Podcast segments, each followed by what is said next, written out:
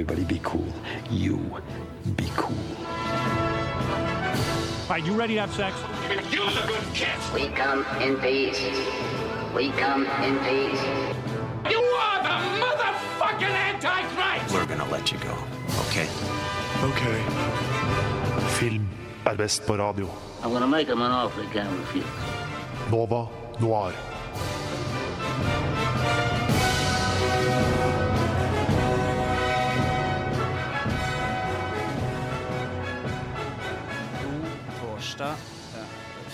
Formiddag. Det er eh, Det er februar snart, da. Allerede. Endelig! Er det endelig? Endelig én måned ferdig. Straks ferdig med 2017. Se lys på livet. Ja. Men februar er jo også ja, utdelingsmåneden Mm. for film. Og vi snakker jo om film, for vi er Nova Noir. Uh, og dere to, hei Simen. Hei. Har pratet allerede. Hei Bjørn. Hei. Går det bra? Ja. Uh, slett ikke verst. Bra. Veldig gira på å prate om film. Jeg er veldig gira på å prate om film. Uh, jeg heter Ludvig Viltil, uh, og i dag så skal vi uh, I februar så skal sendingene framover til Oscarene 26. handle Vi skal ta for oss hver vår del av Oscarene, da. Og vi tre i dag skal prate om animerte filmer Mm. og den kategorien. Den nyeste kategorien som er i Oscarene. Ja, De den yngste yngste først. kategorien. Ja. Yngste, yngste først. Eh, før vi kommer i gang, så får vi høre en sang. Du hørte bl eh, 'Body of Blood Forest Family'. Uh, jeg tenkte at vi skulle sette i gang stemmebåndene våre ved å rett og slett snakke litt om hva vi har sett den siste uka. Mm. Jeg tenkte Bjørn, kan du kjøre? Starte? Ja. Um, jeg har jo øh, begynt også å se på um, uh, serien Tabu. Som Med, det er øh, Tom Hardy sin øh, nye store satsing. Faren hans har skrevet den, øh, skrevet serien. Eh, og Tom Hardy produserer og spiller. Eh, så den har jo fått litt sånn mixed reviews, mixed pluss kanskje, og det har jo gått litt sånn nyheter rundt omkring om at han har eh, tilsynelatende tapt 20 millioner eh, Jeg husker ikke om det var 20 millioner kroner eller pund, men jeg håper det er kroner. eh, på 20 millioner kroner, tror jeg det Høres er. litt ut som et sånt feil, feilet elskåsbarn eller noe sånt. Men det er basert på, så vidt jeg kunne si, det er basert på at noen fikk med seg at eh, produksjonsselskapet til Tom Hardy eh, registrerte et underskudd for 2016 eh, som et underskudd på eh, 2 millioner pund. Eh, men eh, nå har vi akkurat begynt på 2017, så jeg vet ikke hvor legitime de ryktene er. Men det er i hvert fall velrapportert. så, så ja, det var, jeg gikk liksom fra uh, Det virker som du har sett mer på budsjettet her enn selve serien. Og nå, nå, nå, ja, det gjør jo det. Nå skal jeg forklare deg hvorfor. Fordi eh, Med en gang jeg begynte å se på serien, så genierklærte jeg det umiddelbart. For det, er- det noe av det beste som jeg har sett på TV eh, noensinne. Ehm, men eh, så da når noen da begynte også å snakke til meg om det her budsjettunderskuddet, og det har ikke gått så bra, da, så ble jeg skikkelig forbanna. Så da researcha jeg det noe jævlig. Men eh, ja. jeg anbefaler det inst og innmari. Det er noen som sier at den har litt sånn treghetsproblemer. Jeg forstår ikke det. Det skjer eh, veldig spennende ting hele tiden. Ja. Men bortsett fra at det er en Hardy-guttene-produksjon, eh, Ja. og at de kanskje går i underskudd, hva er, det, hva, hva er serien går ut på? Eh, det er da altså eh, Hardy sin karakter oh, Jeg vet ikke hvor, helt hvor mye jeg kan si uten å så røpe for mye. Gi meg en Men liten altså, han, smakebit. det er Hardy sin karakter, eh, eh, som jeg ikke husker hva heter på løpende fot, han har i hvert fall eh, eh, tilbrakt noen år i Afrika og tilsynelatende gjort ugudelige ting. Mm. Kommer tilbake etter at faren dør, og begynner å ta opp farens bedrifter og handelsselskapet og sånne ting. Men det virkelig viktige med denne serien er at den er så eh, påtrengende atmosfærisk at eh, det er virkelig Jeg antar at det kan eh, være grunnen til at jeg liker den og noen andre ikke liker den, fordi det er veldig min estetikk. Det vil ikke nødvendigvis være alle andre sin estetikk. Mm, kult. den. Det virker som, uh, det virker som uh, den trengs å bli sett på. i hvert Ja. fall. Mm, Eh, definitivt. Jeg har sett på noe helt annet, uh, men som kanskje også mange syns er litt treigt. Jeg har, jeg har drevet og sett på italiensk kunstfilm, jeg, dere. Oi! I- På mandag. Kjempegøy. Alene. Ja. Uh, La Ventura fra 1960. OK. Uh, Regissert av en Michelangelo Antonioni. Så du det på eget initiativ, eller? Uh, ja. Ja. Jeg tror jeg, jeg er ikke den smarteste i verden, men jeg tror filmen handler om at mennesker kan bare kastes bort og byttes ut med nye. Så jeg skjønte jo så Du kjente deg igjen i- liksom- ja. jeg, ble, jeg ble litt redd for å øh, liksom miste vennene mine og sånn når jeg så filmen. For det handler om en mann som liksom tilsynelatende er kjempeforelsket i dama si. Så forsvinner hun på helt mystisk vis. Mm. Så plutselig er det bestevenninna til hun forsvunnet, og han så plutselig er Og så blir det sånn italiensk lidenskap. Det er noe sånn italiensk syke som jeg kanskje ikke forstår. Eh, Men eh, ja, jeg har dypt inn i høykulturens land her. Eh, Ja. Men med tanke på at den er fra 60-tallet, Ja. og italiensk for så vidt, er det Klarer du som en mann fra Norge i 2017 å forstå måten den blir lagd på? På lik måte? Ja, Typ jeg, filmspråket? jeg gjør jo det fordi jeg leste litt om den, og den ble bua ut av Cannes-festivalen. Mm. Og, og nå er den ansett som en av de beste filmene i verden. Okay. Og det var fordi det var synlig eh, klining og sånn, Mm. som var strengt forbudt i Hollywood og sånn. Sant. Uff. Eh, Må ja, ikke kline var-. Han, um, regissøren måtte rømme kinosalen eh, på Cannes-festivalen i, i 1950 Nei, 60. Ja, Uh, ja, OK. Så eh, hvis du ser kontroversiell, eller da kontroversiell film, eh, prøv. Du kan lære noe. Uh, har du sett noe Simen? Jeg har, eh, i motsetning til begge dere, så har jeg også sett noe helt annet. Eh, Jeg har sett uh, endelig fått kara meg til å se Planet Earth første sesong. Og det tok tid. Ja, det tok tid. Jeg har tenkt på det ganske lenge. Um, jeg vokste ikke opp med parabol eller kabel-TV, så jeg hadde ikke sjansen til å se på så mange naturprogrammer på Discovery Channel når jeg vokste opp, eller National Geographic. Med tre norske og tre svenske kanaler så var det lite av det. Nå har jeg endelig tatt, tatt igjen, og fy fader, for noen flott natur og dyr vi har her i verden. Altså, det er sikkert åpenbart å si det, men fy flate. Planet Earth er jo en dokumentarserie fra BBC som kom ut i forrige fjor, to år siden, tre, tre år siden. eh, som er eh, narrated, altså stemmegitt av eh, David Nattenborough. Og jeg føler meg så ivaretatt av stemmen hans og bildene og alt det jeg får oppleve, da. Jeg merker eh, når du snakker nå, at jeg virkelig har tatt for gitt at jeg har hatt parabol siden jeg var fire år. Ja, ja, jeg Jeg er riktignok også oppvokst eh, mer eller mindre i skogen, men, mm. men eh, ja at eh, Jeg har aldri hatt den opplevelsen der jeg sitter og ser på Discovery Channel og så bare sånn Fy flate, det er mye vakker natur i verden. Jeg har sett veldig mye på Discovery Channel eh, i min barndom også, så det kan jo ha noe med saken å gjøre. Mm. Så for de av dere, kanskje de fire stykkene der ute da, som ennå ikke har sett noe av det, så anbefales det fremdeles. Sesong to kom ut nå nylig. eh, Og jeg har hørt den også skal være fylt med enda flere flotte bilder og fantastiske dyr. Vi får håpe at i hvert fall en av de fire hører på nå. Det håper jeg også. Hør på podkasten. Så enten fin natur, eh, italiensk eh, kjærlighetsfilm, eller Hardy, Guttene. Hardy-guttene. Ja. Så noe for enhver smak, vil jeg si. Du får Young av Cashmere Factory.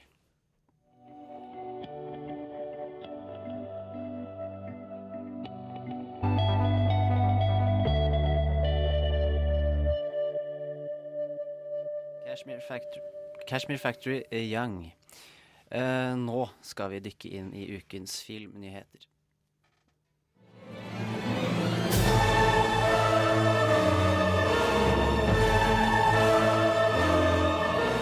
Well, hello, Mr. Fancy Pants. I got news for you, pal. You ain't leading but two things right now Jack and shit. And Jack left town. Nova Noir gir deg ukas filmnyheter.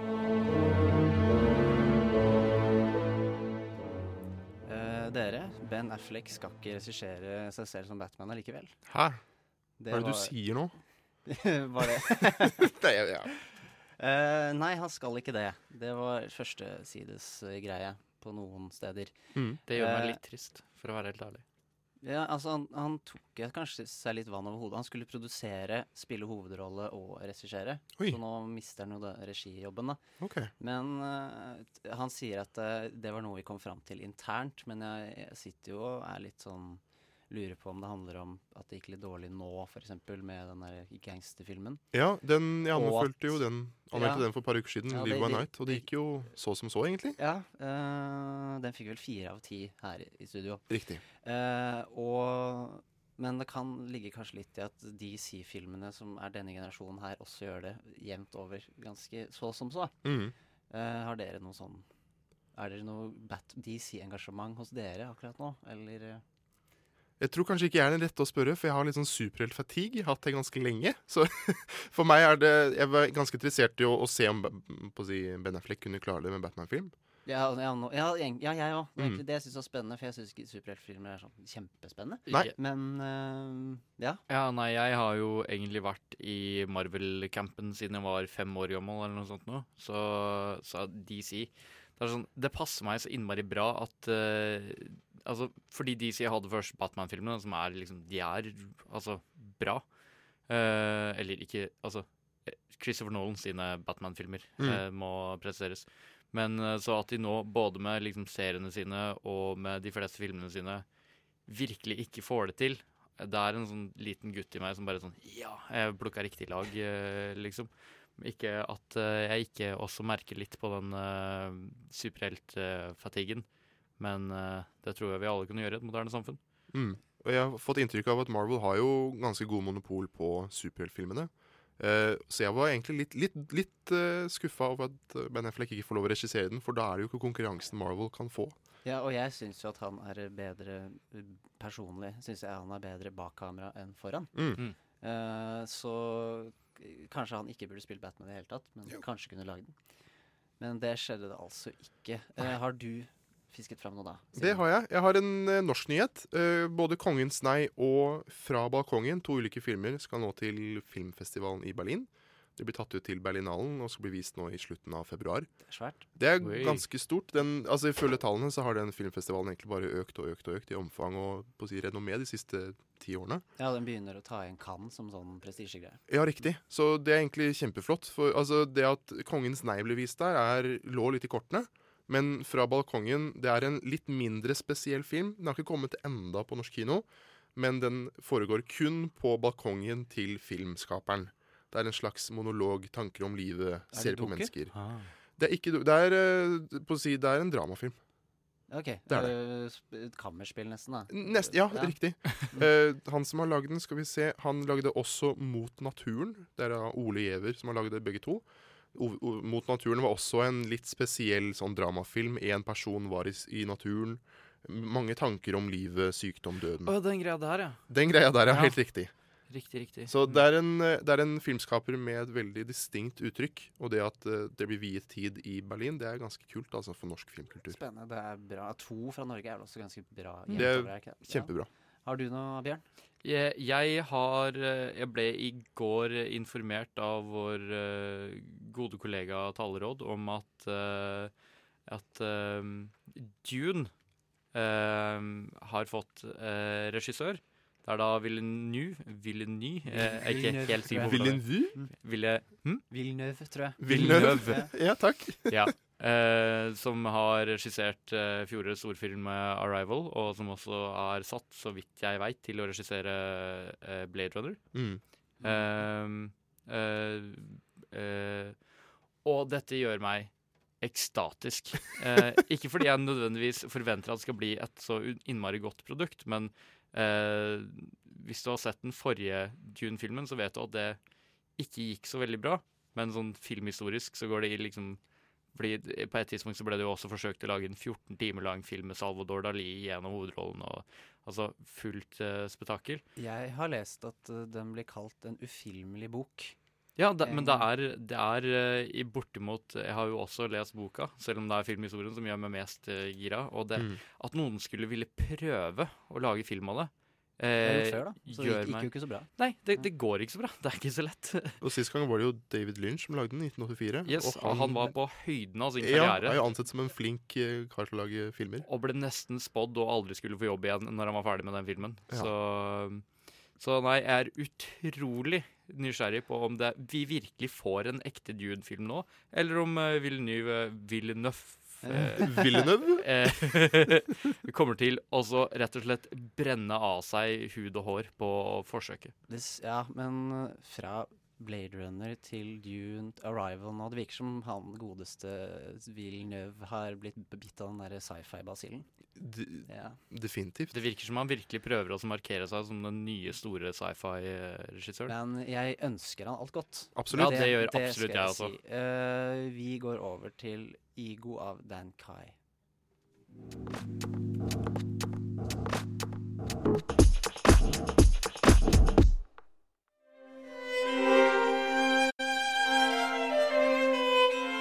Mitt navn er Liv Ullmann, og du hører på Nova Noir. Det stemmer, Liv Ullmann. Eh, det er nettopp det du gjør. Eh, Fnissefaktor. Ja. Hyggelig, det. Eh, på eh, mandag, natt til mandag blir det vel, så Mm. var det Screen Actor Guild Award. Uh, som er en veldig viktig pekefinger eh, til skuespillere som vinner beste Oscar, eller har oddsen med seg, da. De har ti for ti nå, har de ikke det?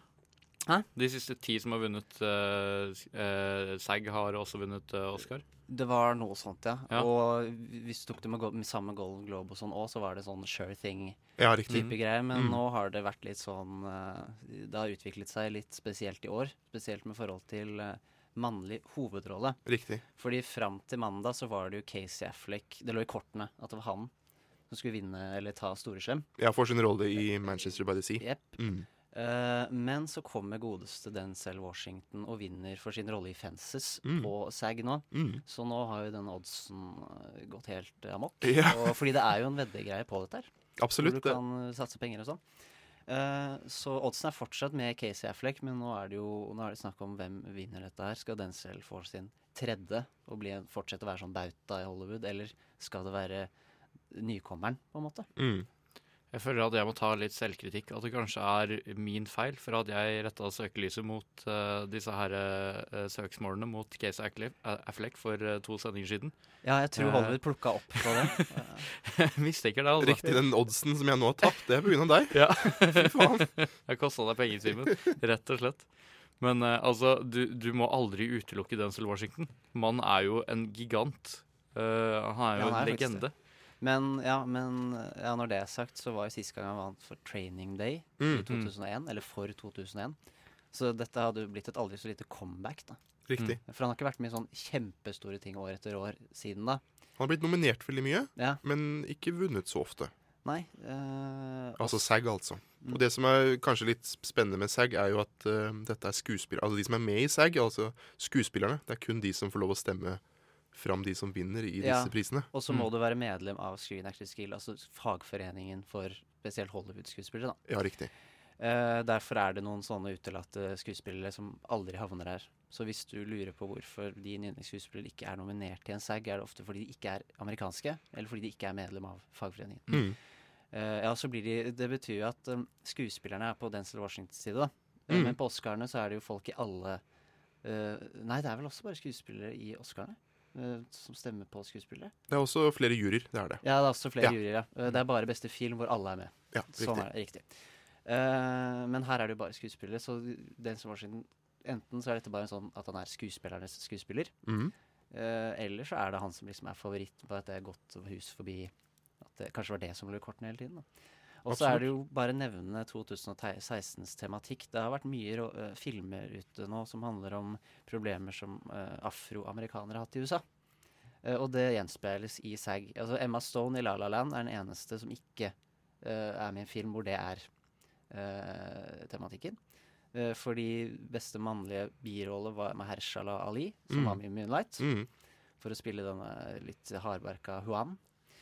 Og så er det Viola Davis som spiller kona til Denzil Washington i Fences. Mm. Eh, og Moonlight er jo også nominert flere ganger, og denne Hidden Figures om disse Ja. Dette er også første gangen på en del år at det har vært uh, mer enn tre afroamerikanere som er nominert til en pris i SAG, og også vunnet.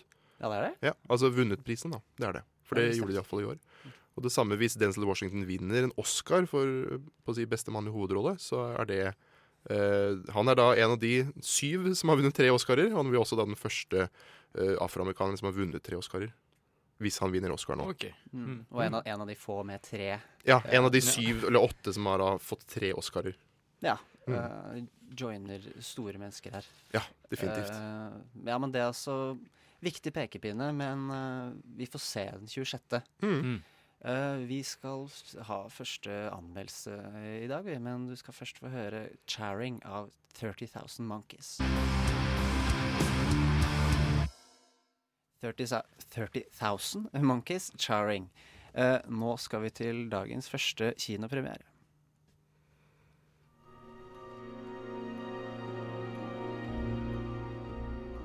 Ukens kinopremierer.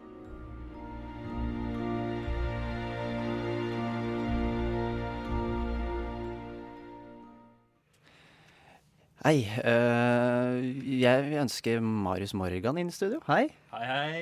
Hei, Du har vært på kino, da? Det stemmer. Ja, Og sett denne nye Matthew McConney-filmen 'Gold'. Ja. Ja, og I første omgang kan du rett og slett bare fortelle oss overfladisk hva den handler om. Vel, vi kan vel ta Vi tar oss Vi må litt tilbake i tid. Vi skal til 1981 uh, i Reno, Nevada i USA. Og uh, der tar vi for oss uh, hovedkarakteren Kenny. Kenny Wells, spilt av Matthew McConney. Han har nettopp overtatt sitt fars eh, gruvedriftsfirma, eh, Washoe Mining. Og eh, ja, vi ble også raskt introdusert for hans kjæreste Kay. Og så blir det spolt frem syv år i tid, og faren er død. Kenny er ikke lenger så hårfager, og han har lagt på seg noen kilo. Og det, det går ikke bra. Han jobber, på, han jobber fra en bar. Eh, Og har slitt med å få eh, investorer til eh, sine prosjekter osv.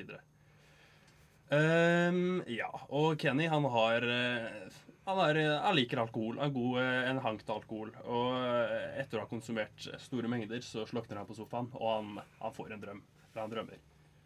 Og denne drømmen det blir en slags åpenbaring for Kenny. Han drømmer seg til jungelen i Indonesia.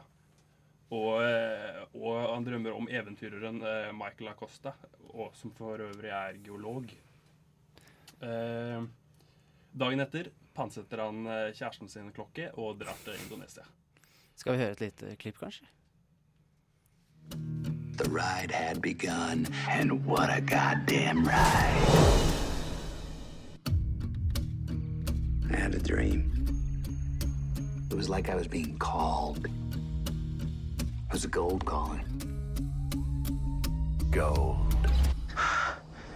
I am flesh and I am bone. It was 88. I lost my house. I lost everything. Most people would have been dead, but not me. Do you walk in the valley of King? I had a dream. Oh my God. Do you walk in the shadow? Ja, det hørtes eh, ut som eventyrfilm. Er det, er det dit vi skal, eller er det uh, jeg skulle ønske jeg kunne si det. Jeg skulle ønske jeg kunne si det. Uh, det, det er nok uh, Etter mine ønsker så skulle jeg ønske at det var mer eventyrlig og mer av denne Jeg vil oppleve mer av Indonesias ville jungel osv. Og, så og denne selve jakten på gullet. Men det får vi ikke sett så mye, egentlig. Er det mer han det handler om? Det handler mer om han. Hans personlige problemer, økonomi. At han også blir litt stormannsgal. Grådighet. Det er egentlig det vi vi opplever, på en måte. Ja, blir gæren av denne gullgravingen? Ja. For jeg har hørt, noe, hørt noen rykter om at det er basert, halvveis basert på en ekte historie. Ja, Stemmer det? det stemmer. På Brex Mining fra 1993, tror jeg det var. Merker man, altså, merker man noe spesielt at det her er en sånn historie, eller er det tatt seg mye kreative friheter? Uh, ja, de har tatt seg veldig mye Ja. friheter. De har egentlig det. Jeg har uh, researcha litt, og eh, ja, det er ikke det, det er, Nei, det er ikke he helt eh, Det er veldig løst basert Mm. på Brex eh, Mining. Mm. Men, eh, men Matthew McConaughey, altså, han var jo eh, En periode var det mange romantiske komedier. Han fikk litt medfart for det. Eh, og så kom han tilbake for ikke så mange år siden, egentlig, og fått mange sterke rolleprestasjoner. Hvordan, hvordan syns du han klarte seg i den filmen her? Vel, eh, jeg syns han kler å være en eh, overvektig skalla mann. Jeg, er han, gjør den, han gjør den rollen bra, men allikevel så får jeg den følelsen at jeg, jeg har sett det her før, på en måte. Uh, så det var ikke noe, noe innovativt uh, på den måten. Uh, og så eh, Men han gjør rollen bra. Han Det er liksom denne naive driven i han som gjør han til en hovedkarakter verdig. Fung fungerer jeg. filmen som en sånn eh, eh, Nei, nå formulerte jeg meg rart. Blir den på en måte båret av eh, skuespillerne, og så er eh, plottet litt mer i bakgrunn? Eller handlingsforløpet? Ja, ja, Ja. absolutt. Du kan si det Ja, fordi på den måten. eh, det er mange filmer som prøver å maskere seg bak skuespillerne sine. Ja, ja, det er jo det. Ja, jeg liker ikke det personlig, men noen Mm. elsker jo sånn karakterutvikling og sånn. Var denne utviklingen bra, eller var det liksom i dine øyne, da? Uh, I mine øyne det, uh, både og. Det var uh, Det var veldig mye oppturer og nedturer i den rekkefølgen, og omvendt rekkefølge, for så vidt. Som Hva skal jeg si? Jeg syns Filmen bærer jo preg av det, og, men det var, ble veldig forutsigbart, på en måte. Selv om det også var litt betryggende. At du vet at nå kommer det en opptur, eller Var det forutsigbar film? Ja, på en måte. Okay, jeg, det- jeg satt igjen med det etter, etter det ble mørkt i salen. Uh, på å si, regissøren Steven Gaga, hvis jeg uttaler det riktig, har jo regissert 'Traffic' og 'Syriana'. skrevet. Unnskyld, skrevet. Stemmer. Ja. Mm. Ganske jeg hardtslående filmer. Ja, jeg vet ikke om han har regissert noe før. Nei. Ja. Han har skrevet, da, beklager. Men i hvert fall veldig sånn hardtslående, virkelighetsnære filmer. Eh, men jeg har fått inntrykk, i hvert fall på traileren allerede forklart nå, at det er litt mer sånn et morsom film. Er den like Eller er den veldig seriøs? Nei, den er, den er egentlig veldig seriøs. Uh, Ok. Eller uh, Kenny Wells, han er, uh, han er en komedie i seg selv, hvis man ser på det sånn. Men Mm. i utgangspunktet så er vel filmen drama, spennings... eh, Ja, for jeg fikk litt delte mm, r- mm, blandede bilder i hodet mitt da jeg hørte lydbildet. Og det Mm. er det eneste jeg har fått med meg av filmen. Mm. Eh, Men sånn eh, helhetlig, da, alt i alt Vi opererer med en skala fra én til ti her. Eh, Hvor ser du denne filmen ligge der? Uh, på bakgrunn av at Jeg, jeg syns filmen skulle vært mer eventyrlig, og det skulle ikke vært så mye Wall Street-business-relasjoner. Så jeg vil gi den en eh, seks av ti. En seks av ti. Det er en helt grei karakter. Helt greit, ja. Så det er kanskje sånn eh, vent til den kommer ut-feeling, eller kino Ja, jeg ville sett den på kino. Det var mye, mye kule, store, svære øyeblikker, og det var mye som passer i en større sal. OK, så du ville brukt penger på å gå og se den? Ja, absolutt. absolutt. Okay, ja. Okay. Tusen takk for anmeldelsen din, Marius. Takk for at du kom. Takk for meg. Eh, nå får du eh, 'Beautiful' av AG Cook.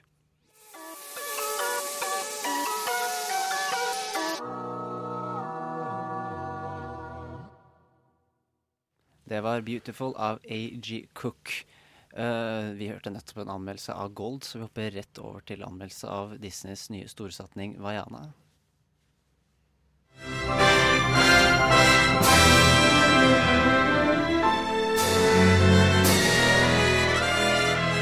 Ukens kinopremierer.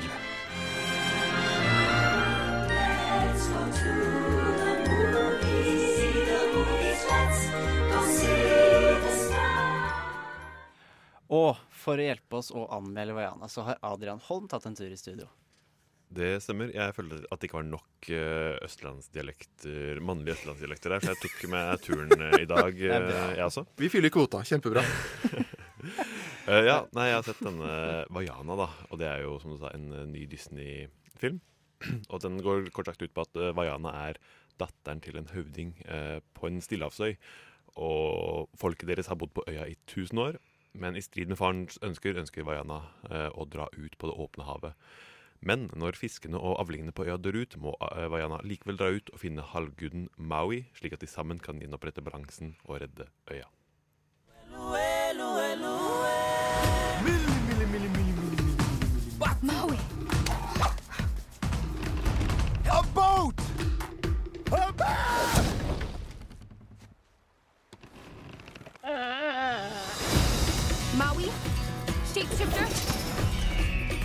Of the wind and sea. I am Hero a of men. What? It's actually Maui, shapeshifter, demigod of the wind and sea, hero of men. I interrupted from the top. Hero of men. Go. I'm not going on a mission with some little girl. This is my canoe, and you will journey to different. Did not see that coming. The ocean is a friend of mine. Veldig hyggelig lydbilde her. Ja, det er gjennomgående i filmen også, vil jeg si. Um, det er en veldig hyggelig og koselig film å se på. Selv om den uh, er ikke redd for å liksom berøre litt det mer uh, alvorlige, alvorlige temaer, og gjøre det på en god måte også. Det er kanskje verdt å nevne at det er samme bakmenn som eh, Frozen. Ja. Er det litt sånn samme bare i varmen, eller? eh? Eh, Det er lett å tenke det, kanskje. For det er, det er jo både Frozen og To på rømmen, eller Tangled, um, er på en måte de samme folka her. Så dette er på en måte den tredje animasjonsfilmen til Disney, eller tredje animasjonsfilmen til Disney, som tar Mm. for seg dette prinsesse... Denne prinsessemalen, da, som Disney jo er så ekstremt kjent for. Um, og jeg syns Tangled og Frozen var kjempebra filmer, og jeg syns at Vaiana er på samme nivå. Um, det er ikke bare Frozen i varmen, på på en måte, selv om uh, det, er veld, det er veldig deilig med, den, eh, med det, det utrolig flotte animasjonene i disse stillehavsstrendene og på havet og sånne ting, eh, som et slags eh, avbrekk etter å ha, vært, etter å ha fryst med gjennom Frozen. Ja, men karakteren eh, Vaiana, da? Eh, ja, hun er en Hun har litt sånn ehm, Er en på en måte en litt sånn tradisjonell Disney-prinsesse i det at hun Dere hørte jo liksom premisset der. Det er litt tradisjonelt premiss, egentlig. At hun eh, må liksom Faren hennes forventer at hun skal bli en prinsesse, eller høvding, egentlig, da. Eh, og liksom ta vare på folka på øya og sånne ting, mens hun vil egentlig dra ut og finne seg selv og utforske havet og sånne ting. Um, men hun er eh, veldig eh, godt skrevet allikevel, vil jeg si. En, jeg så den norske dubben, og veldig god, flink skuespiller. Um, uh, jeg syns ikke det var Ikke alt i norske dubben var plettfritt når det gjaldt uh, stemmegivning, men spesielt Vaiana og han uh, Maui var veldig gode. Og også Maui er en veldig morsom karakter, og samspillet mellom Vaiana og Maui er kjempebra. Mm. Eh, er det noe sånn Ja, for så vidt jeg vet, så er ikke dette noen sånn romantisk eh, eh, greie? Nei, det var også et veldig deilig avbrekk, måte, at det er null kjærlighetsplott. Ja, for jeg leste at det er en av de andre Disney-prinsessene eller noe sånt opp igjennom historien som ikke hadde noe sånn kjærlighetsforhold. Ja. Mm, ja, det stemmer. Ja. Eh, så det var kanskje forfriskende følelse, eller? Ja, veldig. Eh, det var eh, som sagt aldri et eneste hint til det noe sted, liksom. Så at jeg bare kunne Den, den bruker liksom litt mer tid på å behandle andre temaer, da. som det å ja, finne seg selv, og det å allikevel føle at du, du identifiserer deg med det stedet du kommer fra, men allikevel så skal du på en måte finne din egen vei og sånne ting. Um, jeg syns det var eh, veldig bra behandling av sånne temaer på en måte som er veldig håndgripelig for barn, men allikevel ikke så platt og um, liksom påtatt for voksne. Jeg, jeg satt og liksom var engasjert, selv om jeg skjønte at det ikke var uh, uh, Citizen Kane. Ja. Eh, dybde, på en måte, da. Men du mener også at det er litt sånn uh, ubestemmelig alders uh, hvem som kan se den? Ja, jeg er jo en stor Disney-fan, skal sies. uh, som betyr at jeg både setter veldig pris på det når det får det til, men jeg blir også litt skuffet når det ikke får det til. Ehm, men ja, jeg mener at alle kan se den filmen her. Og um, noe av det beste med hele filmen egentlig er det tradisjonelle Disney-grepet med å ha masse musikalinnslag. ikke sant? Kjempebra eh, sanger og musikal... eh, uh, trudelutter her og der. Og spesielt uh, en veldig morsom uh, rolle av Bjørn Eidsvåg som en kjempekrabbe. Som uh, gjør en uh, Bra casting. Ja. Kult. Den, er, den var kjempemorsomt. Men disse musikk... ja, så er det musikal, da? Ja, det, det blir jo det. En sånn tradisjonell Disney-prinsessemusikal hvor de går rundt Eller altså, det er jo ikke musikal, det er jo mye mer prating enn synging til sammen, vil jeg anta. Litt sånn som i Frost. Tang- at det Tangled- er noen, Tangled og ja, Frost, ja, sanger som driver plottet videre, og så Ja. ja. Men er det noe sånn eh, Hvor ligger uh, hovedkonflikten? Er det hun som ikke vil være hjemme? Mm, nei, det, det er på en måte en eh, del av det, men etter hvert så Eller det er både liksom, temaet som om å definere seg selv liksom, det sta, I starten av filmen så blir det på en måte hennes kamp om å bryte ut og liksom kunne reise ut på havet. Mens etter hvert så blir det mer eh, Blir det liksom samme tematikk angående han Maui, eh, på en måte, som også eh, har en slags um, eh, Historie? Ja, historie. Som, eh, og blir på en måte da ikke bare et sidekick. Han blir på en måte en kul eh, liksom, Ja, han får litt substans, da, fordi han også har dette litt samme problemet som Vaiana. Ja, for slik jeg har forstått det ut fra traileren og det jeg har lest, så starter vel filmen med at Maui er en litt sånn uvinnelig halvgud som egentlig er mer eller mindre perfekt. Starter som. Ja, Ja. på en måte. Mm. Men så er han ikke det allikevel. Ikke likevel. Uh! Ikke sant? Så ma malen høres jo helt klart kjent ut. Men eh, for meg så er det noe sånn Disney skal liksom ha en viss sånn Ja. trygghet. Ja, jeg, jeg, jeg syns det er Det er innenfor de rammene øh, som man forventer, på en måte, men allikevel så gjør de så mye lekent innafor de rammene, og det er så øh, vakkert å se på, flott å høre på. øh, ordentlig en deilig kinoopplevelse, altså. Sånn sånn øh, alt i alt, og sammenfletter eh, det dårlige og det bra. Hva, hvordan vil du liksom ende Mm. sånn karaktermessig og generelt eh, din generelle konsensus om filmen? Mm. Jeg vil si det var veldig lite som trakk ned. Kanskje det eneste var som sagt eh, ikke alltid 100% på norske dubben, eh, men på, alle de største rollene var veldig bra dubba. Så har ikke noen store klager der, egentlig. Og så var det litt svakt sidekick, eller ganske svakt sidekick, egentlig, som var en liten hane uh, som uh, fulgte med i denne Skulle det liksom være Olaf Snømann? Uh, på en måte. Eller det, Ja. det tradisjonelle dyresidekicket som Ja. ikke snakker. Okay. Eh, Det morsomme Ja, det- animerte ansiktet. Ja, Litt mindre intelligent hane som var med. Så han ble litt slitsom, på en måte, men barna kommer til å digge han, da. eh, Så klart. Eh, men ellers så syns jeg dette var en Disney-film eh, helt på høyde med liksom de beste Disney-prinsesseklassikerne. Uh, kjempebra. Jeg koste meg uh, glugg i hjel, og jeg skal eh, se den igjen. Så jeg gir den ni av ti. Oi, oi, oi. Det Kult. var Mm. kjempeanmeldelse. Absolutt. Ni av ti til Vaiana. Altså. Den er jo Oscar-nominert, og det skal vi prate om etterpå. Det skal vi. Når vi og, de fire, og, de fire, og de fire andre. Mm. Så dette var en bra start for denne sendingen. Da. Mm. Ja, uh, tusen takk, Adrian. Uh, nå skal vi høre 'Gåte av hester V75'.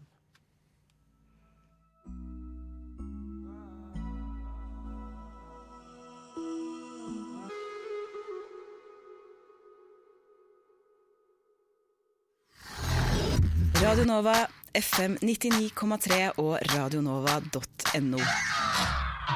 Jepp. Det var 'Gåte av hester V75', og nå skal vi gå inn på vår, vårt tema for dagen. Mm -hmm. uh, som sagt så skal vi gå gjennom Oscar-kategoriene og filmene opp tre uker framover, opp til selve Oscarene den 26. februar. Og vi skal prate om de animerte filmene. Uh, den nyeste kategorien, og det første vi skal prate om. Eh, nå fikk vi jo nettopp en bra anmeldelse av Vaiana, som er nominert. Det var en Mhm. bra start eh, for å gå inn. Men før vi går inn på de fem filmene som er nominert, så tenkte jeg å prate litt om kategorien. Mm. Om hvorfor den er der, og hvorfor, hvorfor den trengs eller ikke trengs, hvis dere skulle mene det. Ja, for det stemmer vel at det er den yngste, Det er den yngste. yngste kategorien i Den Oscar? kom, i, den kom til Oscarene 2002. Mm. Det vil altså si for år Nei, 2001 for år Nei, i 2002 for året 2001, ja. Og første som vant, var Shrek. Uh, og etter det så har det vært 15 stykker, og det er mye interessant rundt dette her. Uh, det begynte med at uh, i 1991 så ble 'Skjønnheten og udyret' den første animerte filmen som ble nominert i beste filmkategorien. Ja, sammen med de andre, skal vi si Eh, med- spillefilmene med ekte og mennesker i. Da begynte det smått å lure på om Fordi da, da begynte For um, begrunnelsen på at det ikke var en kategori i starten, var at, uh, at det ble for, lagd for få animerte filmer. Så det, Mm. var, det hadde ikke vært noe tyngde i, i den kategorien. Da hadde de bare nominert de fem som ble lagd, kanskje. Mm. Og så uh, gitt én Oscar. Mm. Men ute på 90-tallet så ble det masseproduksjon, og det ble lagd nok til at du kunne forkaste og liksom gi ære til de ordentlig bra. Da. Det er deres begrunnelse. Uh, og så var det spesielt en sånn uh, katalysator at denne flukten fra hønsegården eh, ikke fikk noe egen pris for det fordi den var ett år i før Shrek. Uh, så da ble det sånn Å, herregud. Det er ille. Ja, faktisk. Jeg husker, faktisk. Hæ? Da- da- da- Den er det bare så vidt jeg husker. Den, Ja, det er kjempebra. kjempebra. Jeg har sett den kanskje fem ganger Oi, ok. uh, etter den gang. Det er en fantastisk flott film som fortsatt holder seg. Ja, Det gjør det. eh, Veldig tidløs. Den skal jeg- den må jeg sjekke ut nå. Og, så den skapte jo på noen måter den, eh, denne kategorien, da. Og så er det jo noen sånne kontroverser rundt her òg. Det er jo at ti 10 av 15 vinnere er av produsert av Disney. Det vil si Ja. enten direkte Disney eller Pixar eller eh, et annet. Mm. Bare at det er, kjøpt, det er betalt, sånn- film kjøpt og betalt av Disney, så lurer på Man kan lure på er det en sånn derre er det sånn der breeding, for breeding ground for Disney til å høste Oscarene sine? Og prisen for beste Disney-film går til Ja. Disney. Det er Men for det er jo et powerhouse av et produksjonsselskap. De har jo alt på stell når det kommer til det å masseprodusere og produsere gode, solide filmer. Så det at de har vunnet 10 av 15, er kanskje ikke så overraskende. Ikke overraskende, men litt alarmerende, Ja. kanskje. Men jeg skjønner jo fordi de landene som lager andre veldig bra animerte filmer, er ofte ikke fra USA. Mm. Og Oscarene er jo, har, jo ingen, har jo ingen obligasjon til å gi Oscarer til utenlandske filmer. Det er som regel de mest ekstraordinære som gjør det. Og apropos det, så er det veldig interessant å se på at uh, 14 av 15 vinnere er dataanimasjon, og ikke tegna. Ja. Eneste tegna er uh, 'Spirited Away' av Studio Ghibli, Mm. som ikke er amerikansk engang. Mm. Så det virker som den dataanimasjonsgreia som kommer med Toy Story og sånn, er egentlig det de prøver å Fronte. Ja, det virker sånn. Eller det, det er det folk stemmer på, da. slår meg som litt sånn merkelig, med tanke på at det er liksom Det er jo så utrolig altså, For min del så syns jeg liksom at eh, de tegna filmene er ofte mye vakrere. Uh, Ja, jeg er også veldig konservativ, egentlig. Ja. Ja. på sånn. De er ofte finere. Synes jeg. Ja, jeg syns egentlig det. Sånn dataanimasjon er litt sånn Det er litt som å se på eh, Ivo Caprino i litt høyere oppløsning. Ja. Uh, litt barnsligere på noen steder. Det er jo veldig sånn marshmallow-tendenser ute og går. Det er sånn som, jeg kan nesten ikke se for meg Det har helt sikkert skjedd, men jeg kan nesten ikke se for meg noen bli knivstikke eller få noe, liksom, noen drifter i en, i en, liksom, en sånn type animasjonsfilm. Fordi det er, allting er så mykt og boblete. Big Hero eh, Six. Six, eh, som liksom uh, referanse. Der, der liksom bokstavelig talt alt spretter. Eh, har liksom litt sånn herre De her animasjons... Uh, 3D-animasjon-greiene, det er Ja, jeg syns det er at, at eh, Kanskje de skulle hatt litt kritikk for, uh, for det der, men det er kanskje bare jeg som syns det. For apropos um, det med at uh, Disney vinner så mye. Uh, tror dere fortsatt at det kanskje er litt uh, Eller for få animasjonsfilmer? Sånn som det originale argumentet for ikke å ha kategorien er. Siden Disney opererer med så enorme budsjett, og det ser liksom mer raffinert ut og sånn. Og så sitter de andre mindre bak, da. Og de som, andre som er store, er utenlandske. Men jeg ser liksom hele tida sånne nyheter om eh, altså Nå sliter jeg jo selvfølgelig med å komme på eksempler, men jeg ser liksom hele tida sånne her eh, eksempler på animasjonsfilmer fra, fra Europa, Øst-Europa, eh, Asia, liksom sånne ting som blir liksom genierklært ute på nettet. Men det er, det er kanskje bare veldig vanskelig for dem å nå den massen av publikum som liksom trengs for å virkelig, virkelig gjøre seg gjeldende til nominasjonen til eh, den prisen. Kanskje. Ja, for det er jo enormt mange mennesker dette skal gå gjennom, og det er jo, det er unektelig grums innad i, innad i Oscarene generelt. Jeg regner med at mange ikke ser filmer og sånn. De, Mm.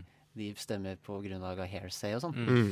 Uh, og det er jo ikke bra, men det er ikke det jeg vil gå inn på, for det er sånn generell Oscar. Ja, og det blir også litt sånn synsing. Vi, Ja, ja, ja. det blir litt sånn konspirasjon. Det kan vi ta på en annen anledning. Men når det kommer til det at Disney vinner så mange priser Jeg tenker, Si at du er et selskap fra et annet sted i Europa, i utlandet, uh, og at du da skal kjempe såpass hardt for å ta én av plassene som egentlig kunne ha gått til en Disney-film. At det kanskje er vanskelig innad i si, Oscar-maskineriet å gi fra seg den ene plassen.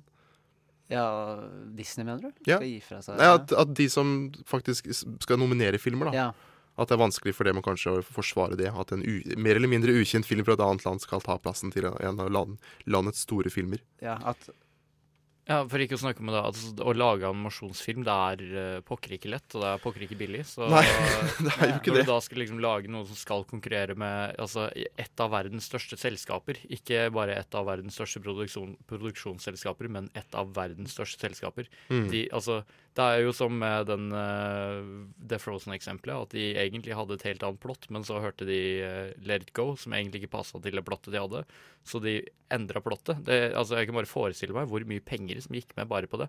Bare fordi de pekte seg ut at den sangen, de, den treffer allmennheten, så den må vi ha med. Liksom. Det, det, er, det er ikke Hvis du skal gjøre det liksom godt inn i produksjonen på, og du er liksom et lite Eller lite og lite, et mindre selskap det er, altså, Å hente fram pengene for å få det til, det kan være nesten umulig, tror jeg. Mm. Og ja, grunnen til at det er eh, desto mer relevant å prate om Disney, altså Disney sitt sånn anime, sånn, det, nummer én animation studio, spesielt i år, er fordi det er to filmer som er nominert til uh, beste animerte film, Mm. med eh, Zootopia og Vaiana. Uh, og ingen Pixar. Ingen Pixar. Det er også en sånn avvik. Uh, den Finding Dory kunne kanskje, men ble ikke. Og da, der fikk jo eh, noen mindre plass. Ja, absolutt. Foran eh, en Ja, har du sett Finding Dory? Ja, sett Finding Dory. Det var godkjent film. Ja, godkjent. Helt, for meg òg. Helt fint, ja. jeg, jeg hadde ikke blitt overraska om den også hadde vært blant uh, Mm. nominasjonslista. Men det er jo gøy for de tre andre her, da. Ja, Vi kommer jo til å prate mer om de nominerte etterpå. Og det er Ja. jo, ser jo at det er flere filmer fra utlandet i år også. Ja. De resterende er vel utle... Nei, ikke Kubo, kanskje. Um, ja, altså Det er kanskje Jo, verdt å nevne at uh, utenlandske i, uh, i denne kategorien er jo da Spirited Away, mm. Japan, og um, Wallis og Gromit og Varulvkan- Varulvens, Ja, varkanins Were forbannelse, ja. heter den på Curse of the Were Rabbit. Er. Mm. Og det er stop motion. Uh, med det uh, så skal vi faktisk gå over til de filmene som faktisk er relevante, som er nominert i år. Men først skal du få høre 'Sweat of the D-Revolutions.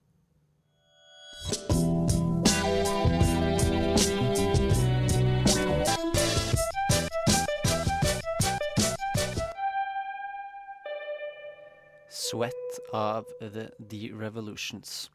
Vi har gått litt gjennom selve kategorien beste animerte film på Oscarene. Eh, nå skal vi snakke om de relevante filmene, de fem som er nominert. Mm. Og det er litt uh, det er allsidig Jeg har litt inntrykk av at det er i hvert fall litt allsidighet i år, da. Ja. Uh, for å få det riktig stemning, så skal dere få et lite lydbilde med alle sammen. Og det er altså i denne rekkefølgen Kubo and the Two Strings, uh, Vaiana, My Life as a Zucchini, The Red Turtle og til slutt Zootopia. father like? He was just like you. Strong, funny, and so handsome. Ugh, mother. But you got your magic from me. I can fly? My name is Kubo. Maui, shapeshifter, demigod of the wind and sea. Let's save the world. I'm not going on a mission with some kid. You'd be a hero. That's what you're all about, right?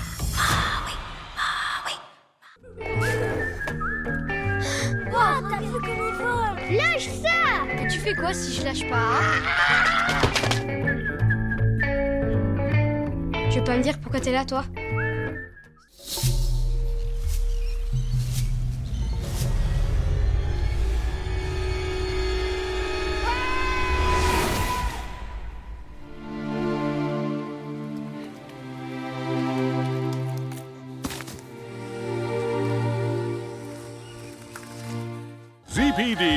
First rabbit officer, Judy Hopps. You ready to make the world a better place? Bad news in this city gripped by fear. What can you tell us about the animals that went savage? Are we safe? This is priority one. Hopps, parking duty. Vi må nesten beklage for at uh, grunnet uh, litt sånn forsinkede utgivelsestider i Norge i forhold til uh, disse utgivelseslandene, at vi ikke har sett alle sammen. Mm, det stemmer. Det gjør meg trist. Men vi får prøve å se litt rundt hva det faktisk handler om. Ja. Men en vi faktisk har sett, uh, er Cuba and the Two Strings. Den har du sett. Ja, det har jeg. Jeg så den i fjor, uh, på norsk. Og det er da en, en stop motion-film. Uh, ganske painstakingly lagd, bilde for bilde. Ja, er det ja, Jeg så traileren. Nei, men er det litt sånn cutout? Eller er det dokk? Det er dokker. Det er det? Ja, De har animert Det på å si vær og lys og sånne forhold. Det er mye som er lagt på etterpå. Men eh, selve bevegelsene, handlingene, alt sammen, alt er eh, stop motion. Så det er en film de har brukt eh, ganske god tid på, altså. De som har lagd den filmen, er også nominert var nominert for Box Trolls i 2014. eh, Men nå da altså for Kubo. Ja, ok, Og dette er uh, ikke noe Dette er ikke Disney i det hele tatt. Ikke Disney i det hele tatt. Det er det ikke. Det er morsomt, syns jeg. At det er, og det er amerikansk. Ja, det er amerikansk også. Amerikansk produksjonsstudio. de har klart å komme seg inn i dette her eh, maskineriet som du prata om i stad. Mm. Men du, Så du likte denne filmen? Du skjønner hvorfor den er Jeg forstår absolutt hvorfor den er nominert. Eh, Jeg, da jeg så den altså det Bare for å gi en sånn kjapp, så handler det jo om Kubo som Eh, det er eh, skal vi si, litt sånn regalt japansk samfunn basert på det. Eh, Langt tilbake i tid. Veldig eventyrlig film. Eh, handler da om Kubo som har mistet faren sin da han var ung. Faren var da en stor samuraikriger, og nå er det moren som tar vare på Kubo. Eh, moren beskytter Kubo fra sin far igjen, som har lyst på sjelen til Kubo. Hans makt. Mm, og da må Kubo ut på eventyr for å finne tre magiske gjenstander fra eh, sin avdøde far. For å kunne prøve å bekjempe, da, eller iallfall overleve denne eh, eh, kjipe morfaren sin. Ja, øh, og jeg så den er øh, moderat er moderat budsjett, i hvert fall innad i, i animasjonsverden. den ble lagd på 60 millioner dollar, satt Mm. opp mot Disneys vanlige 200. Ja. Eh, så hvis vi bruker Disney som normal her, da, Mm. så er det jo en, definitivt en underdog her, og ikke noe favoritt opp igjennom. Men øh, du voucher for øh, Ja, jeg gjør det. Altså, jeg syns at teknisk sett og cinema, altså cinematografisk sett, Ja. måten den er laget på, er helt, fant helt fantastisk. Bildene er så til å ta og føle på. Overgår uh, teknikk uh, innhold, syns du? Uh, I denne filmen, ja. Eh, jeg syns historien var grei. Jeg syns den var litt forutsigbar, sånn som den ble fortalt. Um, det var ikke noen overraskelse sånn sett. Men jeg syns som eh, teknisk sett, og også de tematikken den tok opp i forhold til målgruppa, altså barn, jeg syns det var ganske modig. Så den har absolutt en plass eh, blant Oscar-nominerte, altså. Ja, det er bra. Ja, ja bra. eh, og så kan vi gå over um, Nå har vi, Hvis dere har hørt på hele tiden, så hørte dere nettopp en anmeldelse av Ayana, eh, som er nominert, og en av favorittene, tror jeg. Mm. Eh, som fikk av vår journalist ni av ti. Mm. Og det er jo i seg selv et uh, skjønne hvorfor. Kanskje den ligger her. Men her er det Disney, da. Én av to Disney. En slags sånn bauta-greie her. Eh, det var Frozen vant jo. Mm. Tangled gjorde det ikke. Nei. Eh, og dette er samme folka, og det, jeg fikk inntrykk av at det er litt samme innhold. Mm. Eh, selger dette her igjen, eller er det litt gammeldags? Spørs om det egentlig er rom for det Uh, Altså, det føles som det er veldig på tampen av uh, Frozen, uh, kanskje, selv om det egentlig Det er vel egentlig kjempelenge siden nå. Det er jo 2014, er det ikke? tre år, ja. Eh, men altså, det blir bare veldig vanskelig. Ja, for det er en grunn til at jeg fortsatt liksom føler at Frozen er aktuell. Jeg uh, ser jo liksom blader, Frozen-blader og Hatter og klær og biler og mat. Og Overalt hele tiden. ja. Så, eller, men det har vel kanskje ikke noe å si. Men uh, jeg bare altså. føler at det Mm. kanskje blir vanskelig å, å utmerke seg. Når du, Ja, fordi det virker som det står veldig hardt i den modellen. Men ut ifra anmeldelsen til kollegaen vår Adrian, som vi nettopp hørte, så virket det jo som om denne sto på egne bein. Ja.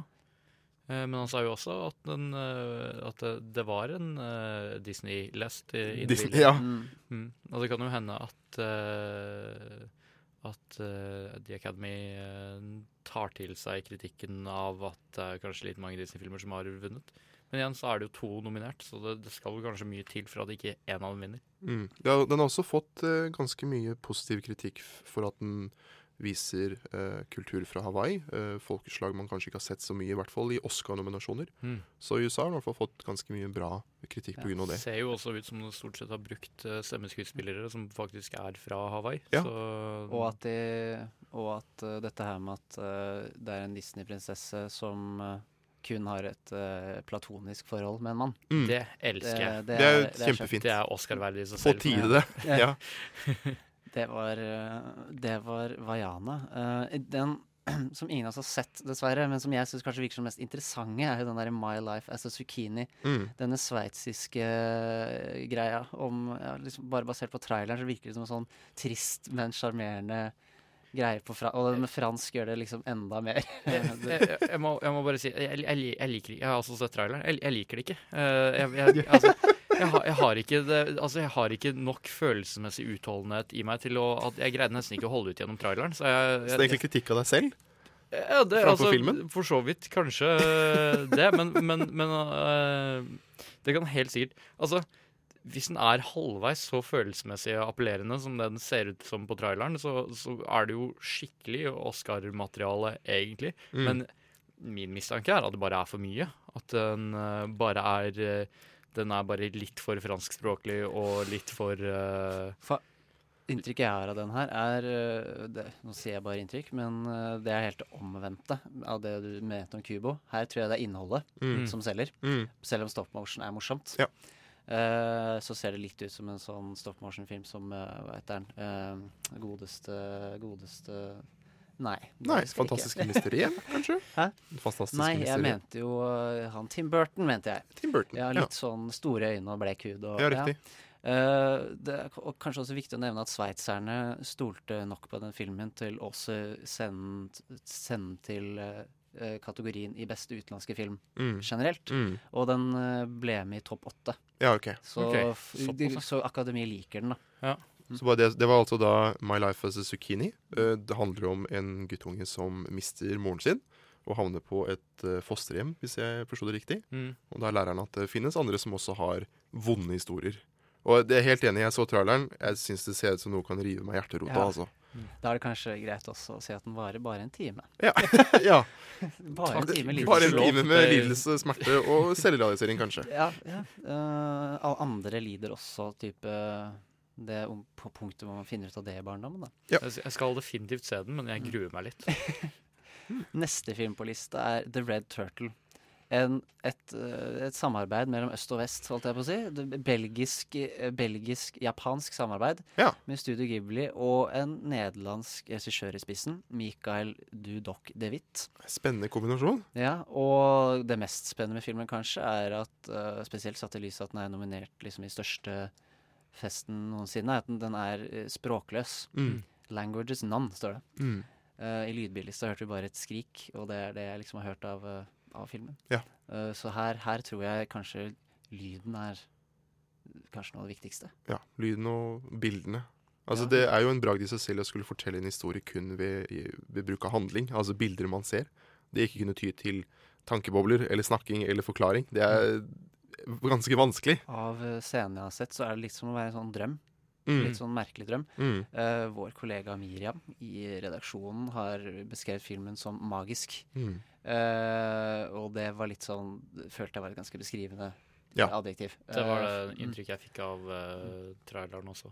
Ja, for dette handler jo om en mann som er Strander, strandet på en øde øy. Så, kom, så skal han møte en, en rød skilpadde. Ja. Og forsøker å rømme, men møter en rød skilpadde. Ja. og vi liker, jeg liker sånne skriveprosesser. jeg. Han skal møte en rød skilpadde. Ja.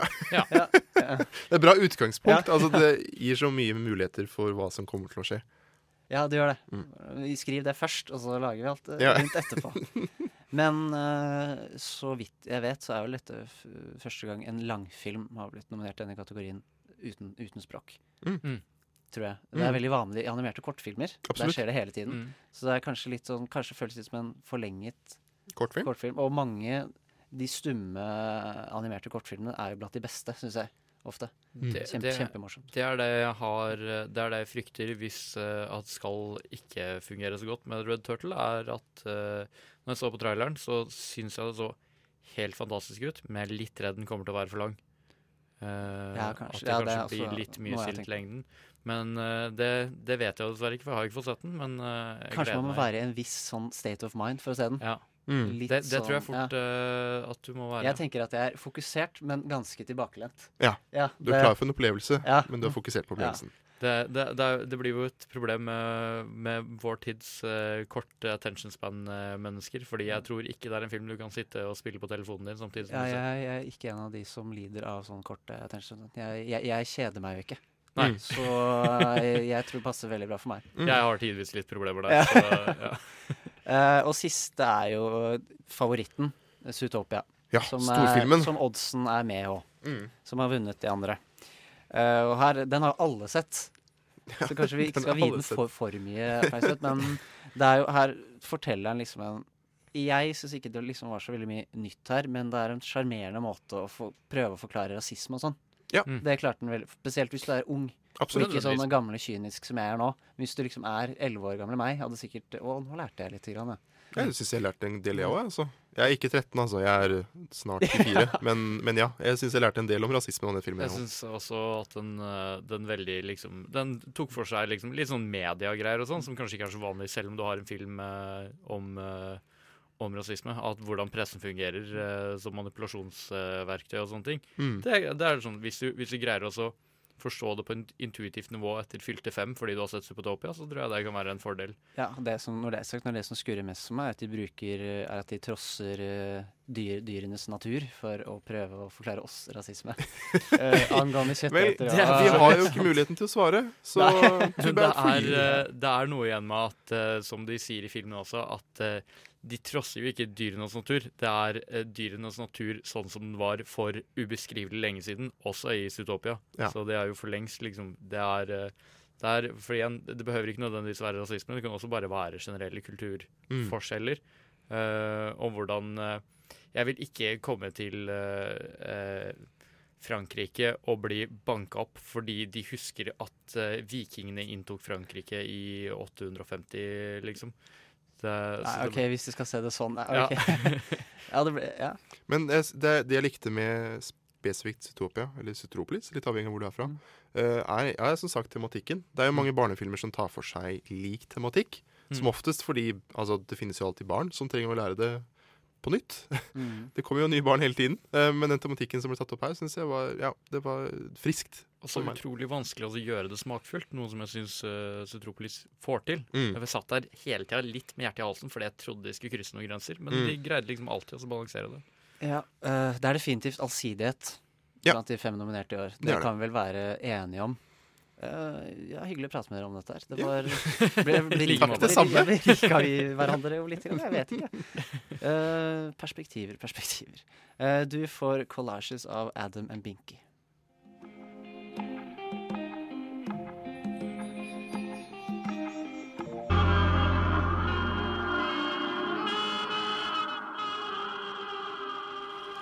Adam and Binky Collages. Uh, nå har vi prata mye om prisvinnende og prisvinnernominerte animerte filmer. Uh, og da er det jo egentlig passende at uh, vår kollega Taleråd har laget en liten anbefaling om eh, Emmy-vinnende Cartoon Network-miniserien, animerte miniserien Over, Over the Garden Wall.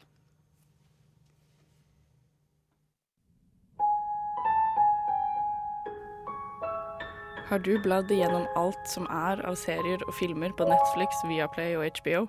Har du sett alt som er verdt å se, og kanskje en hel del som ikke var verdt å se? Da har jeg lyst til å tipse deg om en miniserie du mest sannsynlig ikke har hørt om. Over the Garden Wall er en fantastisk perle av en animert miniserie. Den er mystisk og spennende, barnslig naiv og til tider mørk og faktisk ganske skummel. Serien er på ti episoder og ble skapt av Patrick McHale i 2004, men har gjennomgått en rekke forandringer før den til slutt ble sendt på Cartoon Network i 2014 som kanalens første miniserie. Men ikke la deg skremme av Barnekanalen. Over the Garden Wall er en allealderserie med dobbel adresse. Den passer nemlig både til barn og til voksne. Selv om jeg tror den kanskje hadde vært for skummel for meg som barn. I serien møter vi halvbrødrene Wirt og Greg, som har gått seg bort i skogen The Unknown og prøver å finne veien hjem igjen. Eldstemann Wirt, spilt av Elijah Wood, er opptatt av poesi, romantikk og arkitektur, og han prøver desperat å sørge for at unge og naive Greg ikke havner i for mye trøbbel, ettersom han har en tendens til å vandre av gårde innover i skogen. Wait, wait. Uh, Greg?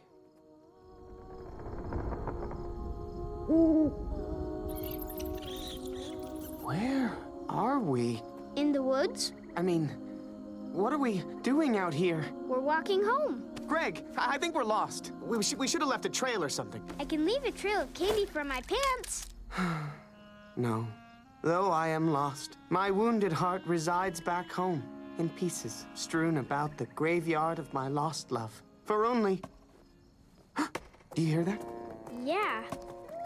Do you think it's some kind of deranged lunatic with an axe waiting out there in the darkness for innocent victims? Greg! Greg! I starten av serien blir brødrene advart om et fryktelig og farlig beist, passende kalt The Beast, som lurer i skyggene på jakt etter sitt neste offer. Ganske snart møter Wort og Greg den snakkende fuglen Beatrice, som lover å ta dem med til heksekonen Adelaide, som helt sikkert vet hvordan guttene skal finne veien hjem. Men veien til Adelaide er lang, og underveis møter de mange underlige folk og skapninger. Snakkende og syngende frosker i klær, en hel landsby bebodd av gresskarfolk, en gammel riking som er forelsket i et spøkelse, en ung jente besatt av en menneskeetende demon og en skogvokter som blir utnyttet av The Beast. Feed the lantern. No. I suppose after all these years, you just don't care for her anymore. Hold your tongue or I'll remove it from your mouth. I do not speak of my daughter. She would not wish this. Let's get you free.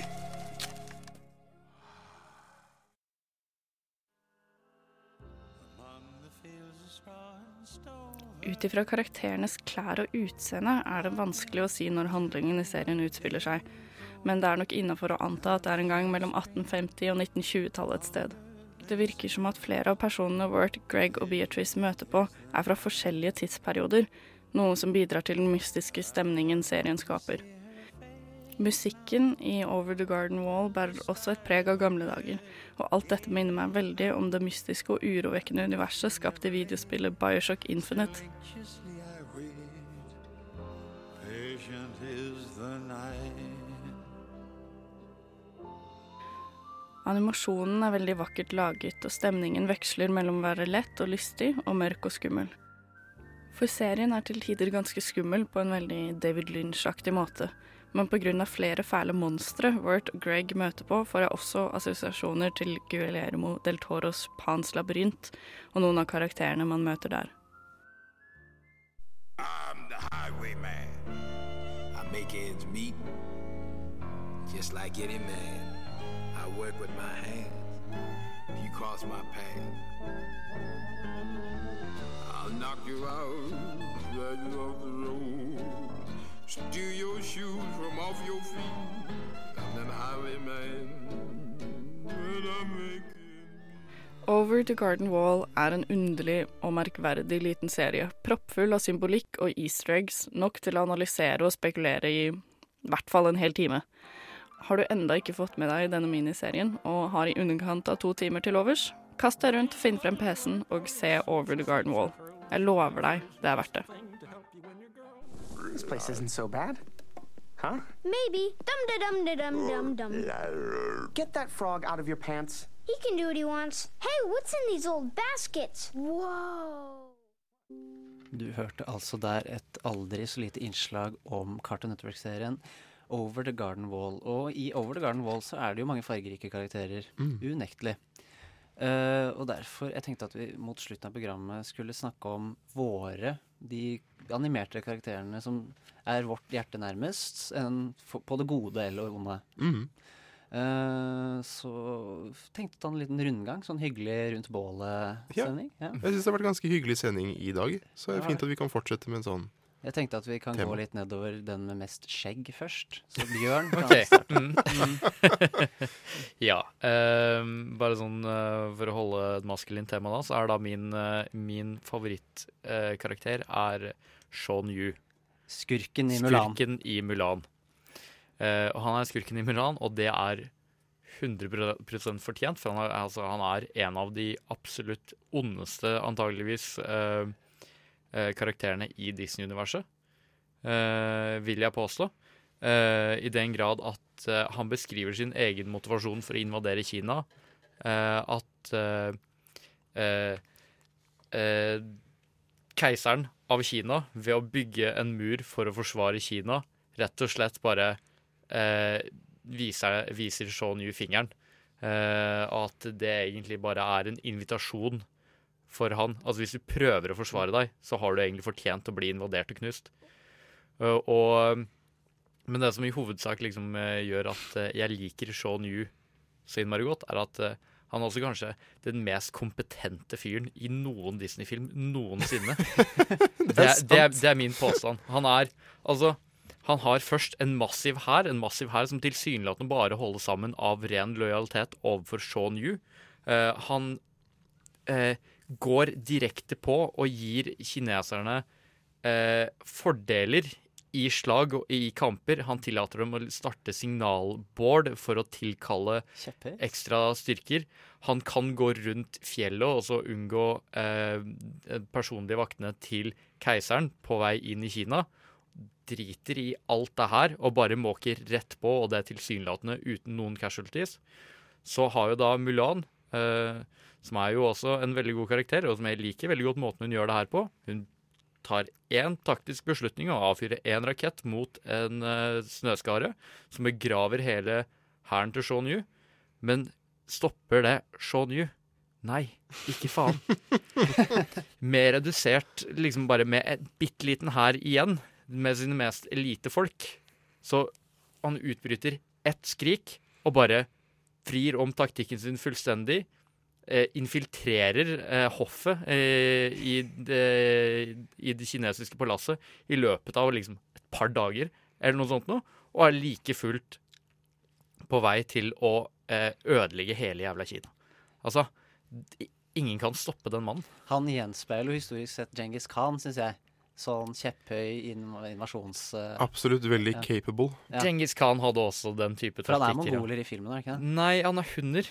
Hun, ja. Ja, men det er jo også et slettefolk, så det blir jo, det blir jo litt uh, den samme typen. Men nå har du jo beskrevet en kapabel drapsmaskin, virker det som. Mm. Litt sånn ondskapsfull Ja. type. Uh, uh, da var jeg egentlig litt interessert i å vite hvorfor han er din favorittkarakter.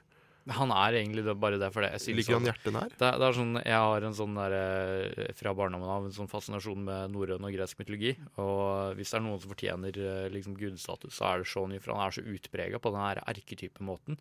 Altså, han er, altså, han er den ultimate liksom, hærføreren. Det er noe med det, altså, at han er såpass fysisk kapabel. Han leder ved eksempel. Han er den beste til å spore. Han er den sterkeste. Han er den beste til å slåss. Altså, selv når han taper, så er det jo fordi han slåss mot sånn åtte forskjellige personer samtidig. Uh, han kan hogge sverdet sitt gjennom en trestamme og fortsatt mane fram respekten av liksom flere tusen individer, nok til at bare hans vilje alene holder dem sammen. Det virker som du liker han basert på det veldig primitive alfahann-grunnlaget. uh, Sterkest og eh, smartest av alt vil Jeg Jeg må nok kanskje innrømme det. Kanskje, ja. Jeg tror nok bare når jeg var liksom liten og jeg så Show er sånn der, jeg- Jeg heier jo på Mulan av, sympati, av sympatigrunner, men eh, jeg var nok litt sånn lei meg, for jeg synes nok egentlig Show Yu fortjente å vinne, bare fordi han er helt tydelig best. Mm, han er komplett. Uh, ja, han Mm. er, han er liksom the ultimate warrior. Uh, så det er liksom det er bare, Han er så over the top at uh, jeg synes liksom nesten det beste med Mulan er at de greier å skrive en film der de greier å forklare hvordan altså et, en gud på jorden nesten greier å bli slått basert på strategiske valg og, ja, og rett og slett eh, cunning, da, i stedet for uh, For han er jo ultimate bronze, og han er også superintelligent, men han blir fortsatt liksom slått til slutt av uh, da Mulan, som er eh, equal i cunning og ikke equal i fysikk, men bare, bare overvelder han i å, å kunne inspirere lagkameratene sine og, og liksom ta ned som et nett av mennesker. Ja, for nå er det lenge siden jeg har sett Mulan, og Mm. for de av dere som ikke har sett Mulan der ute, så kommer det til å komme en spoiler nå. Men det ender da dårlig for uh, Shan Yu. Det gjør nok dessverre det. Eh, Fyrverkeri innblanda, er det ikke det? Ja, det er fyrverkeri eh, Ja. innblanda. Litt sånn, hva skal vi si, ikke ufarlig, men litt, ja, litt, litt ufarlig død Gå på ut en med et- gå ut med et smell. Ja. Ja. Ok. eh, Nå har ikke jeg sett Mulan 2, men jeg tror ikke Det- han er med da. Nei, det, det er jo kanskje det største mangelvaren, egentlig. Mm. Ja. Så jeg vil egentlig ha en egen Sean Yu-film. Jeg er med 18 års aldersgrense, som bare hvordan, eh, hvordan han tok I makten eh, han blant hunderne. Ja. Ja, jeg har valgt uh, min karakter basert på noe helt annet. Ja. Men uh, Simen, har du lyst til å nevne en Har, Ja. du, har du kanskje noe helt annet, du? Ja, også noe helt annet, det har jeg. Uh, li, litt av nostalgigrunner. Så jeg har valgt eh, altså Min favorittkarakter som jeg har lyst til å trekke fram i dag, det er da Gromit. Han er høyt oppe hos meg òg. Ja, supert. Altså da hunden i radarparet Wallace and Gromit. Denne britiske animasjonen, eller stop motion-serien. Stop motion, eh, som var ganske stort på 90-tallet. De kom jo ut med ja, den. Varulv-filmen eh, på 2000-tallet. Eh, de fortsetter nå med noen serier, men ikke så like store. Nei. Men det er altså da Gromit. Altså Wallace det er jo en oppfinner. En veldig klumsete oppfinner som finner mange rare oppfinnelser på liksom dagligdags problemstillinger. Hun representerer egentlig den mer ordinære Ja, det er egentlig derfor Ja. jeg liker han så godt. For, for mens uh, Wallace kan være veldig klumsete og rar, så er det denne bevisste bikkja eh, som fungerer som seerens nesten samvittighet, eller eh, the straight guy. Altså Det, det, er en, det er en erfaring jeg kan kjenne meg igjen i fra mine egne erfaringer med hunder. da. At det hender iblant når jeg gjør skikkelig rare ting når jeg er aleine med bikkja, og det bare liksom ser bikkja se på meg, jeg er bare sånn Å ja, stemmer. Men de, har, men de har liksom snudd I Walls of Gromit så har de jo snudd på det forholdet. Mm. Uh, I den der som handler om de sauene mm. som blir i den filmen. Så viser jo at Wallis Han klarer jo seg ikke uten Gromit. Det skal jo egentlig være omvendt. Ja. Når han våkner opp og så ser han 'Grøt i dag, Gromit. Det er onsdag'. Ja. Og så er ikke Gromit der, og da søler han grøt overalt. Mm. Det er som om Wallis er hunden. Ja, ja. jeg, jeg er helt Ja. enig. Så, så for meg så var det uh, Da jeg var liten, så kom moren min hjem fra en på å si businessreise. Hun hadde med seg en DVD til meg, og det var en nederlandsk versjon av Wallis and Gromit. Uh, så jeg satte den på. Men pga. trykkfeil så var det da heldigvis med engelsk tale. Så jeg fikk se denne nederlandske DVD-en med engelsk tale. Eh, og det var et veldig sterkt minne, i hvert fall, for meg. Og jeg likte veldig godt det som gjør, gjør denne karakteren til min favorittkarakter, er eh, tilstedeværelsen. Og de øyeblikket. Altså, den ser deg direkte inn i kamera, hvis man kan se det. Så du som ser, forstår at han forstår. Ja. Så alt det rare som skjer, du Ja. Bare himlingen med øynene hver gang. Å, nå er Ja. jeg nå er Wallace er dum. ja.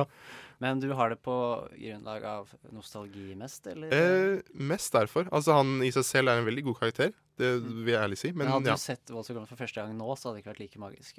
Jeg vet ikke. Altså, den humoren den treffer Altså, Jeg så den siste filmen for en måned siden, og den humoren treffer meg fortsatt veldig godt. jeg digger hele universet, Ja. men jeg vet ikke om det er fordi jeg er oppvokst med det. Ja. Eller fordi Det kan for godt være. Si. Det kan godt men jeg har i hvert fall valgt en, også en figur Min er vel Hadde jeg nok mest sannsynlig ikke vært så glad i som jeg er, hadde det ikke vært for at jeg er oppvokst med det. Mm. Og det er Tintin. Mm. Og da er det viktig å presisere at dette er tegneseriefilmen fra starten av 90-tallet Tintin. Ikke Spielberg-animerte- Ikke, ikke den fra 70-tallet, og ikke den nye Spielberg-filmen. Der er den ikke like sjarmerende. Mm.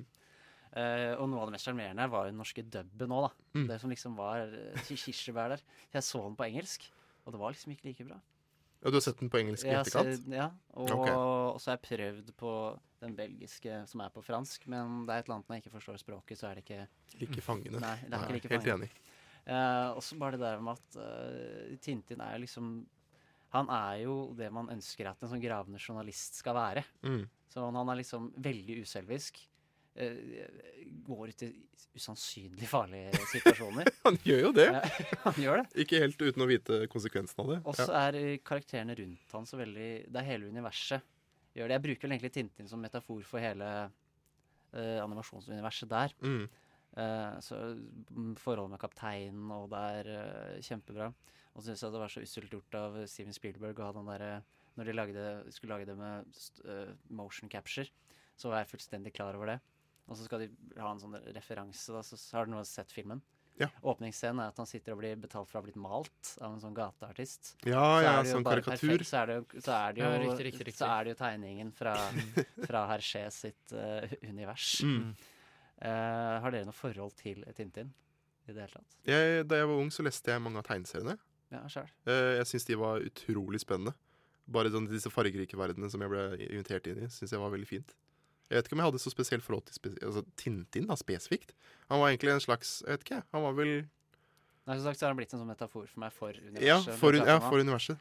Men også når man tenker over det, så er det jo noe Som sagt en veldig Han er på en måte en sånn helt, da, som ikke er en helt. Mm. Og prøver å se to sider ved, ved mennesker og sånn. Mm. Uh, men så er han jo også et produkt av eh, eh, 30-tallet, da. Eh, Han Hergé De som ikke ble lagd film av, f.eks. Disse her eh, Tintin i Kongo og sånn. Ja, ja, ja. og, og, og, og i Sovjet, hvor sovjeter er det ondeste i verden. og så Tintin i Kongo, så er det et veldig flott, eh, veldig flott eh, øyeblikk hvor tegneserien hvor han skal, han skal løse en konflikt mellom to stammemennesker Mm. som, som krangler. Mm. De krangler om en hatt, hatt som en eller annen Mm. vestlig type har lagt igjen der. og det Tintin skal være konfliktløseren, da. Så han, han tar hatten, så river han av rammen. Så gir han den ene rammen til å ha på, og den andre bare Yes. toppen. Det er konfliktløsning anno 1928. Ja. og det er, sånn, det er sånn jeg ler av med ironisk distanse. Hvor er han nå? Er ja. veldig- Hvor er den dagens tid, Tintin? Grusomt. eh, Ja, for jeg har også sett eh, Jeg har også lest den, eh, den, den Tintin i Kongo-greia Ja. på nettet, og det er altså Det er horribelt. Eh, selv om jeg også liksom har Men jeg syns det er litt sånn interessant, fordi dere har begge plukka ting som jeg egentlig har veldig lite forhold til. Jeg leste litt Tintin fram til jeg var sånn åtte eller noe sånt nå, og Wallace Gromit kom jeg liksom bare Det var sånn Begge de tingene for meg var sånn Huh.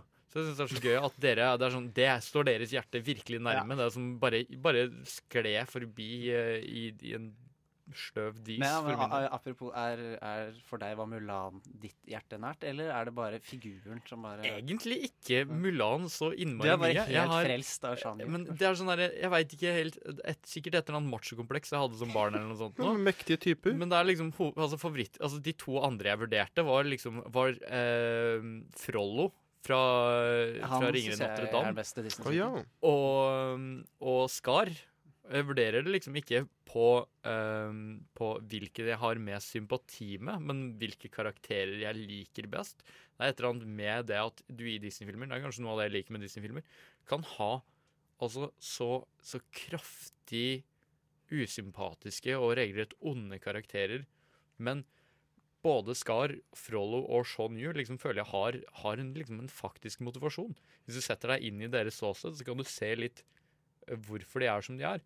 Eh, Altså, Frollo er jo egentlig bare eh, Forelska hun eh, ja, men uh, igjen, så måten han misbruker makt på og sånn, han tror jo at han utfører Guds vilje, at uh, det er mer ondskap i verden enn det er, uh, enn det er godhet, og at han liksom derfor er satt på jorden for å renske ut all ondskapen.